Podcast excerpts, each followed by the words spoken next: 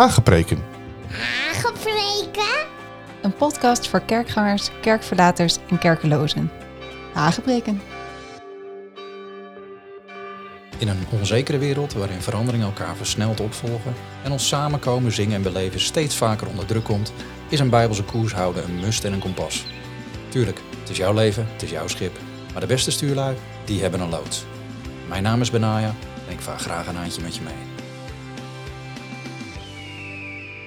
Ja, welkom weer bij Hagepreken. Allereerst mijn uh, excuus voor het onvermogen om vorige week een aflevering te produceren. Wij werden hier thuis even getroffen door een uh, illuster beestje, genaamd Corona. Waardoor uh, eerst de gastouder uitviel en toen oma en vervolgens ikzelf en mijn vrouw. Ja, en dan is het nog altijd volop aan de bak, covid of geen covid. Want je hebt vier koters en een hondenbeest die allemaal hun natje, droogje en aandacht nodig hebben hoe ziek je jezelf ook voelt. En aangezien ik de enige ben die dit schip een beetje draaiende kan houden, omdat mijn vrouw een handicap heeft, ja, zitten we er nog vol, volop in. Maar ik denk, ik ga toch even een poging doen. Dus ik schiet een beetje vanuit de heup uh, deze zondag. Ik moet zeggen, het gaat redelijk goed. Als je een hoesje hoort, dan zal ik hem eruit filteren. Dus dan hoor je hem niet meer. Het enige twijfelachtige voordeel is dat je met zo'n uh, positieve test die wij gehad hebben, de gevraagde QR-aantekening mag uh, claimen. En dus je kinderen niet uh, hun zwemles hoeft te ontzeggen. What a wonderful world. Um, ik, het past niet in deze podcast om hierop in te gaan. Maar net zoals iedereen heb ik natuurlijk ook zo mijn eigen gedachten over het beleid van tegenwoordig. En sommige mensen hebben er wel gevraagd en op aangedrongen om dat eens een keer te delen. Maar ik denk dat er genoeg platformen te vinden zijn, met of zonder VPN-service, om een zinvolle afweging te kunnen maken over wat wijsheid is en wat waar is. Uh, zolang het internet er nog niet uit ligt, kunnen denk ik meerdere officiële peer-reviewed wetenschappelijke onderzoeken worden ingezien en gewogen. Dus ik zou eigenlijk willen volstaan met een drietal aanbevelingen om toch nog mensen een beetje tegemoet te komen Ten eerste zou ik willen zeggen, je moet niet alles lezen wat je gelooft.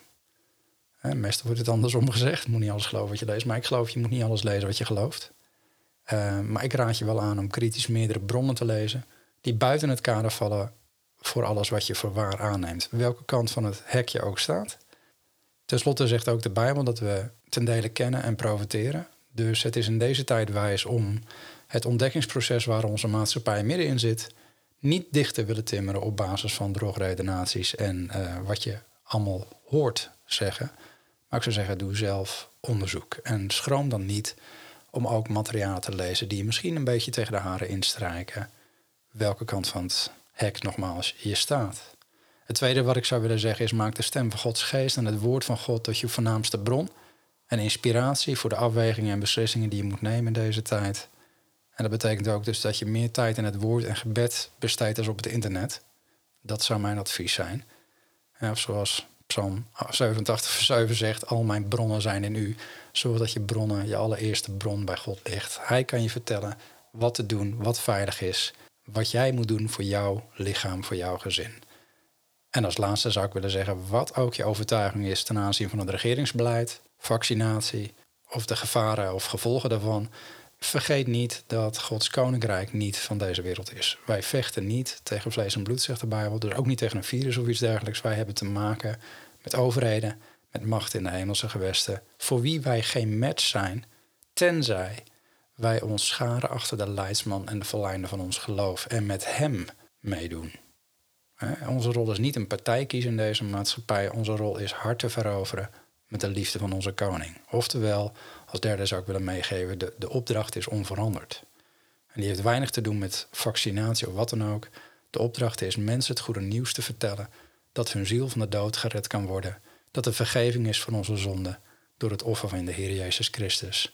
De opdracht is getuigen van de genade die tot ons mensen komt. En nog steeds. Nou, daar laat ik maar even bij, want we waren al een tijdje bezig in een serie over geestelijke groei. En eigenlijk had ik me voorgenomen om vorige week al door te stormen naar het volgende groeistadium. En van kind zijn naar jongeling. Um, maar voor wie het gemist heeft, we kijken al een tijdje naar onze geestelijke geboorte, de babytijd en de kindertijd. En het allemaal gebaseerd op het groeiproces waar Johannes van spreekt. In 1 Johannes 2, vers 12 tot 14. En dat is de basis voor deze serie. Ik lees hem nog even voor. voor we zijn er al een tijdje weer uit, uh, nu, noodgedwongen. Maar daar zegt Johannes: Ik schrijf u, lieve kinderen, want de zonden zijn u vergeven omwille van zijn naam. Ik schrijf u vaders, omdat u hem kent die er vanaf het begin is. Ik schrijf u jonge mannen, omdat u de boze hebt overwonnen. Ik schrijf u kinderen, omdat u de Vader kent. En ik heb u geschreven, vaders, omdat u hem kent die er vanaf het begin is. Ik heb u geschreven, jonge mannen, omdat u sterk bent en het woord van God in u blijft en u de boze heeft overwonnen.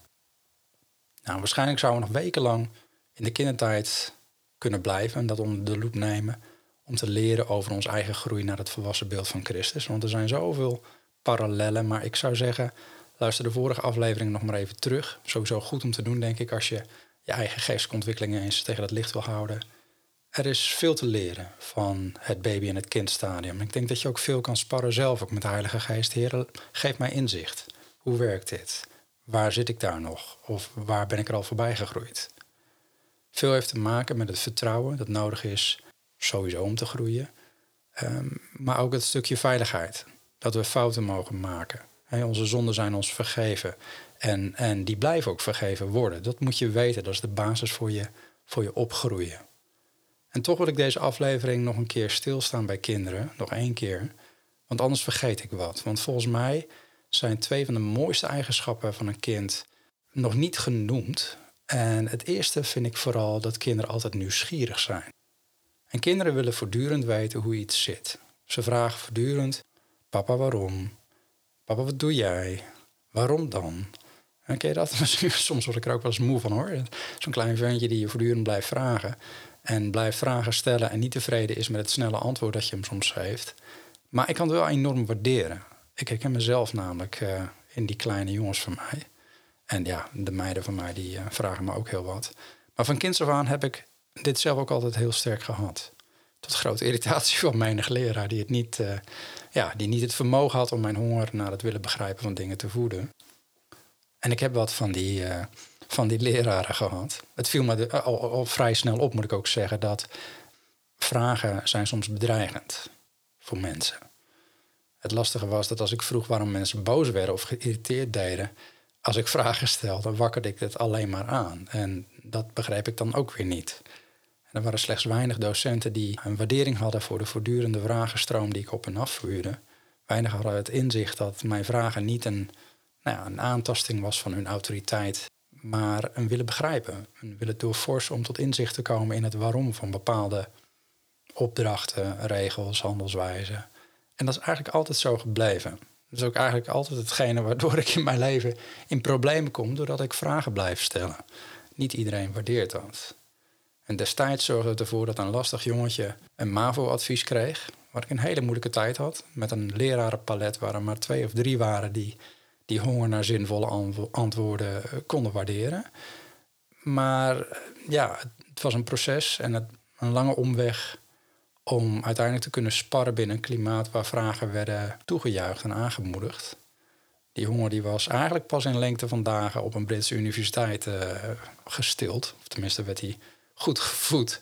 En zag ik ook van, hey, je kunt vragen stellen en agree to disagree. En dat vond ik heel rijk. En ik hoop mijn kids een beter leefklimaat te kunnen bieden. En een beter leerklimaat te kunnen bieden dan wat ik heb meegemaakt daarin. Want vragen is een goddelijke kwaliteit, dat geloof ik. We zien ook al heel vroeg in het leven van Jezus, drie dagen lang was hij als twaalfjarig jongetje in de tempel. Waar hij, nou, staat hè, in Lucas 2 staat dat, te midden van de leraars zat, naar hen luisterde en vragen aan hen stelde. En alle die hem hoorden stonden versteld van zijn verstand en antwoorden. Nou, dat is, dat is typisch Jezus in jong levensjaar. En dit tot grote verbazing van zijn uh, natuurlijke ouders, Jozef en Maria. Er staat dat zijn moeder tegen hem zei: Kind, waarom heb je ons dit aangedaan? Uw vader en ik hebben u met angst gezocht. Hij was drie dagen uh, was hij weg. En hij zei tegen hen: Waarom heeft u mij gezocht? Wist u niet dat ik moest zijn in de dingen van mijn vader? Uiteraard begrepen ze helemaal niets van zijn antwoord. Maar eigenlijk is het wel heel veelzeggend. En ten eerste omdat het een enorm tekende reactie wordt van de Heer Jezus, die we veel vaker dan gaan zien in de Evangelie in zijn volwassenheid. Namelijk een typisch rabbijnse manier van antwoord geven door een wedervraag te stellen. Of misschien je dat mopje wel, hè? van een student die dan aan de rabbijn vraagt... waarom beantwoordt u elke vraag die ik stel met een wedervraag? Ach, zegt de rabbijn, waarom niet? Dat is typisch dat Joodse ra rabbijnse gedachtegoed... om je te laten nadenken. En de Heer Jezus doet hetzelfde. Als twaalfjarige vraagt hij aan zijn aardse vader en moeder... waarom hebt u mij gezocht? Eigenlijk bijna alsof hij wil zeggen, was ik kwijt dan? Vanuit een natuurlijk oogpunt van een bezorgde ouder snap ik de radeloosheid van Jozef Maria. Ik heb het ook wel eens gehad dat een van mijn kids weg was, dat ik dacht, oh nee, waar, waar, waar is die? Maar um, vanuit de identiteit van de Heer Jezus, als zijnde God geopenbaard in een menselijk lichaam, is het inderdaad een hele goede vraag. Ik bedoel, ga maar na. Hoe kan de Heer Jezus, die zichzelf aankondigt als de weg, de weg kwijt zijn? Alsof God de Vader hem en zijn ouders wel kon beschermen tegen Herodes, door ze met dure schatten in veiligheid te stellen in Egypte en ze onder allerlei dromen met engelen te begeleiden weer terug veilig in Israël te brengen. En nu ineens zijn zoon in gevaar zou komen tijdens het Pascha, een van de feesten van God. Is eigenlijk bizar natuurlijk. En de tweede vraag die Jezus stelde, wist u niet dat ik moest zijn in de dingen van mijn vader? Ja, dat zet natuurlijk ook de relatie op scherp tussen Jezus en zijn natuurlijke ouders. Zet het meteen het juiste kader. En zijn natuurlijke vader en moeder namen enkel de rol tijdelijk in. En door deze vraag te stellen, herinnerde hij hun nog eens een keer heel subtiel aan wat de reden was dat hij op aarde was gekomen. En de plek die zij mochten innemen als mensen in zijn leven. Het moet erg confronterend geweest zijn voor Jozef en Maria. Je ziet ook dat staat dat, je, dat Maria die woorden in haar hart borg moest ze echt wel over nadenken, denk ik. Jezus' vragen waren behoorlijk confronterend. En ze bleven ook confronterend tijdens hun hele leven. En ik denk dat dat ook het kenmerk is van, van goede vragen. Een goede vraag zet alles in het juiste perspectief. Het brengt de essentie van waar iets om draait naar boven. En kinderen hebben die onbevangenheid om dat soort vragen te kunnen stellen. Juist in hun onschuld. Juist omdat ze geen filters aanbrengen van tevoren al. Het zijn vaak vragen die niemand meer stelt of die niemand meer durft te stellen. alleen een kind kan tegen een wildvreemde zeggen: Waarom ben jij zo dik? En wij als volwassenen schamen ons dan de ogen uit het hoofd. En, en van ons zullen een kind dan zelfs een brisp doen te zeggen: Dat mag je zo niet zeggen. En waarop een kind dan ook nog eens in, in stom verbazing staat kan zijn om te reageren op, op deze volledig onlogische reactie, misschien in, in zijn of haar beleving. Ja, maar die, die, die mevrouw is toch heel erg dik? En misschien herken je dat wel. Wij willen liever die marges inbouwen. Wij willen nuanceren. Ik bedoel, misschien, misschien zit die mevrouw daar wel heel erg mee. Hè? En misschien uh, liggen er factoren van stress of onmatigheid of, of, slechte eetgewoonten die zo gevormd zijn of gebrek aan beweging. Er kan van alles aan de grondslag liggen, dat hoor je toch zo niet te vragen. Maar de essentie werd alleen door een kind gepakt. Waarom? Waarom ben jij zo dik? kan heel confronterend zijn, zo'n vraag. Misschien ook weer terugbrengen van hoe is dit begonnen. Het is een essentie waar we liever niet meer over hebben vaak. Als volwassenen gaan we liever over tot de symptoombestrijding met de status quo van hoe het nu eenmaal is, om het leven nog enigszins draaglijk te maken. Maar kinderen stellen botte vragen, essentiële vragen. Zo zag ik een keer een poging om het uh, normaliseren van het transgender gedachtegoed onder kinderen. Uh, was een, een, filmpje van een klein meisje reageerde nogal verward op een uh, grote man met lippenstift. En die zei in één keer: Waarom draagt u een jurk? En het filmpje had een, nou, ik zou maar zeggen, een heel hoog woke gehalte. En het was duidelijk bedoeld om kinderen de zogenaamde inclusiviteit te leren. En daarom werd het blije antwoord van de persoon natuurlijk uitvoerig in, in beeld gebracht. Um, over hoe je zelf kan kiezen wie of wat je bent en hoe je eruit wil zien en dat het allemaal mooi is. En het PR-praatje eindigde dan met een smile en de vraag: Vind je mijn jurk dan niet mooi? En het meisje viel mij op, bleef gewoon heel bedenkelijk kijken en zei: Ja, maar u bent toch een man? En daar werd natuurlijk door iedereen om gelachen en er zat muziek onder en het filmpje ging verder. En ik dacht: Ja, typisch. Er is een kind voor nodig die als enige vraagtekens durft te plaatsen bij de essentie van wat hier gepromoot wordt. En minstens zo opvallend, het zijn volwassenen die niet het fatsoen hebben om die vraag eerlijk onder ogen te komen en dit kind een sluitend antwoord te geven dat echt logisch is. En dus dat meisje bleef ook fronsen. Maar natuurlijk wil niet iedereen dat een goede vraag wordt gesteld. Nou, zo zie je dat de schriftgeleerden ooit vroegen naar de bevoegdheden van Jezus om, om dingen te doen die hij deed. Maar mooi vind ik dan dat in plaats van hun antwoord te geven, stelt hij opnieuw een tegenvraag. Dat lees je Marcus 11. En hij zegt dan, ik zal u ook een vraag stellen, antwoord mij ook. En dan zal ik u zeggen met welke bevoegdheid ik deze dingen doe. En dan zegt hij, de doop van Johannes, was die uit de hemel of uit mensen? Antwoord mij. En dan zie je dat ze gaan overleggen en zeggen, ja, als we zeggen uit de hemel, dan zegt hij, waarom heeft u dan niet geloofd? Maar als we zeggen uit de mensen, dan, ja, dan zijn we bang voor het volk, want die zeggen dat Johannes echt een profeet was. En dus zeggen ze tegen Jezus, wij weten het niet. En dan vind ik zo mooi dat Jezus een antwoord geeft en zegt, dan zeg ik u ook niet uit welke bevoegdheid ik deze dingen doe. En daar zit een bepaalde, ja, ik zou bijna zeggen cynisme in, zowat van ja, hey, als jullie mij geen antwoord gaan geven, ben ik ook niet verplicht om jou een antwoord te geven. Het is een stukje edge wat ik enorm waardeer aan de Heer Jezus. Maar het is ook het vermogen om de juiste vragen te stellen. Het is een subliem staaltje van vraagvernuft van de Heer Jezus. En we zijn dat verleerd. Ik geloof dat we dit weer mogen oppakken in onze groei naar het volwassen beeld van Christus. Om elkaar soms vragen te stellen die confronterend zijn, die de vinger op de zere plek leggen. En dat zag je al toen Jezus klein was. Hij zei tegen zijn natuurlijke ouders: Wist u niet dat ik moest zijn in de dingen van mijn vader? En dan kom je weer terug op de tekst waar we mee begonnen. Kinderen kennen de vader vanaf het begin. En lezen we in 1 Johannes 2. De enige manier om de vader te leren kennen is een vragen te stellen. Kinderen bevragen hun vader en moeder. Het is een soort basishouding die groei mogelijk maakt. Het is een vertel mij hoe het zit, want dan weet ik het ook houding. En dan kunnen kinderen een voorbeeld volgen. Maar dan wel een voorbeeld die hun antwoorden geeft. Ze willen je nadoen. Kinderen willen je nadoen. En ja, ik zie het bijvoorbeeld nu met mijn oudste. Die wil momenteel heel erg meekoken. En haar zusje mag dan de tafel dekken. Misschien ook omdat ze het niet leuk vindt. Maar goed, zij roert dan heel driftig en soms wat nutteloos in pannen. Maar ik vind het geweldig. Ik, ik leer haar graag over ingrediënten, over kruiden, over waterhoeveelheden. En ze is enorm leergierig. En ze stelt vragen. Kinderen stellen vragen en kijken dan de kunst af. En daarom was Jezus in de tempel. En daarom stelde hij vragen.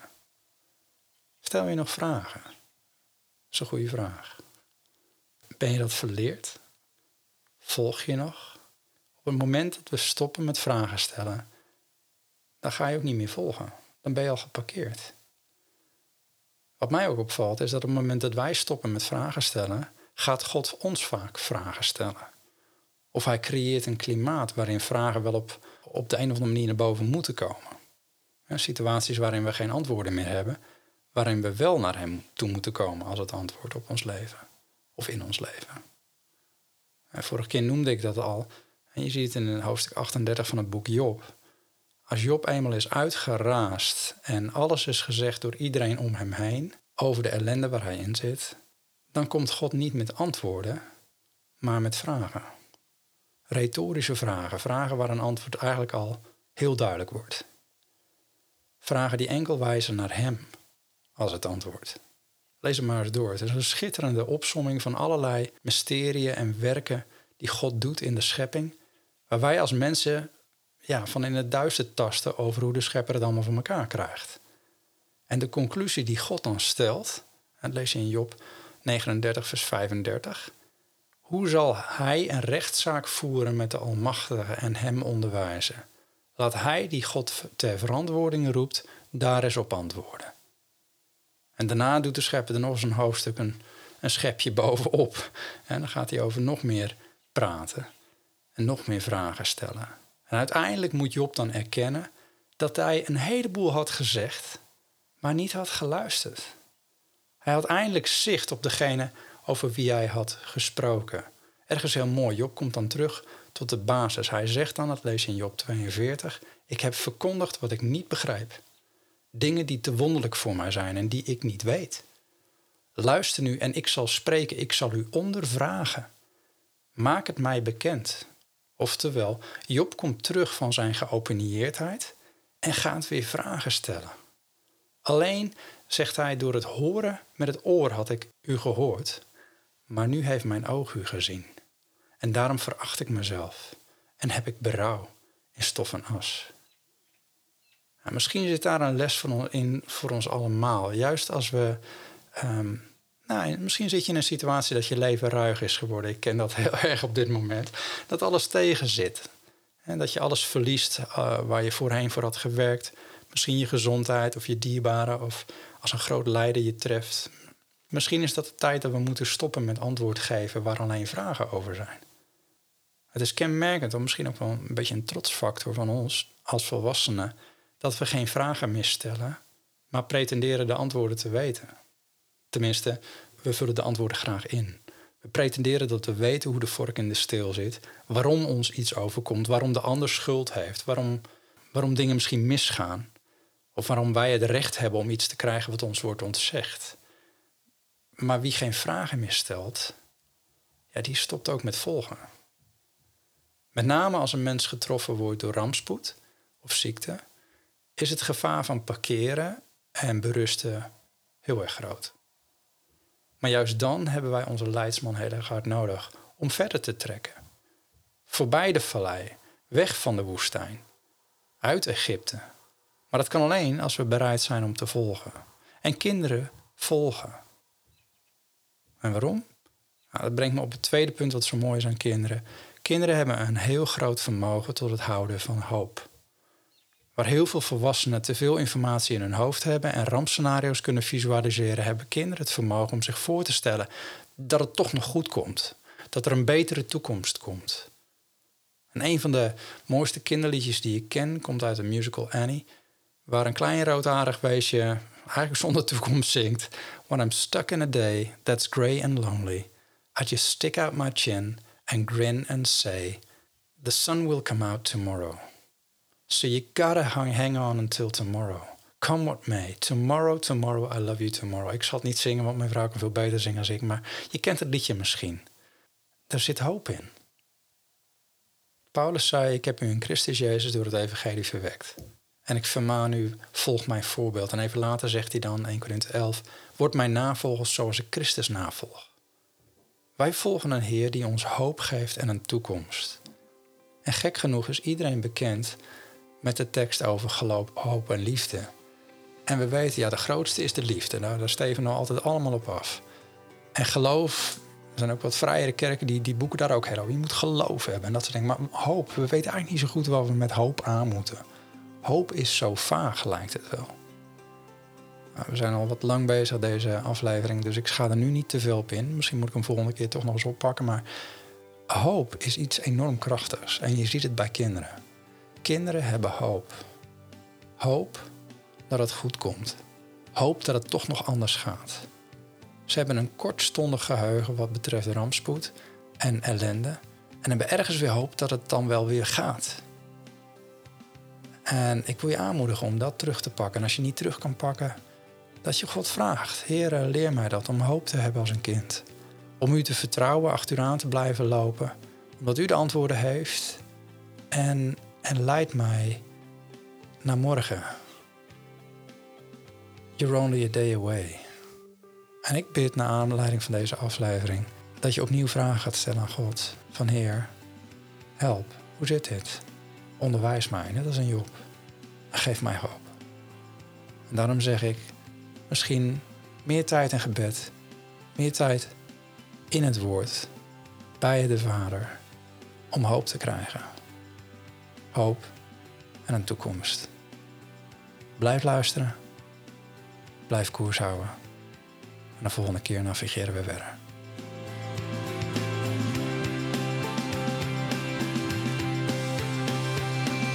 Vragen, opmerkingen en aanvullingen? Mail naar podcast.saintkenam.com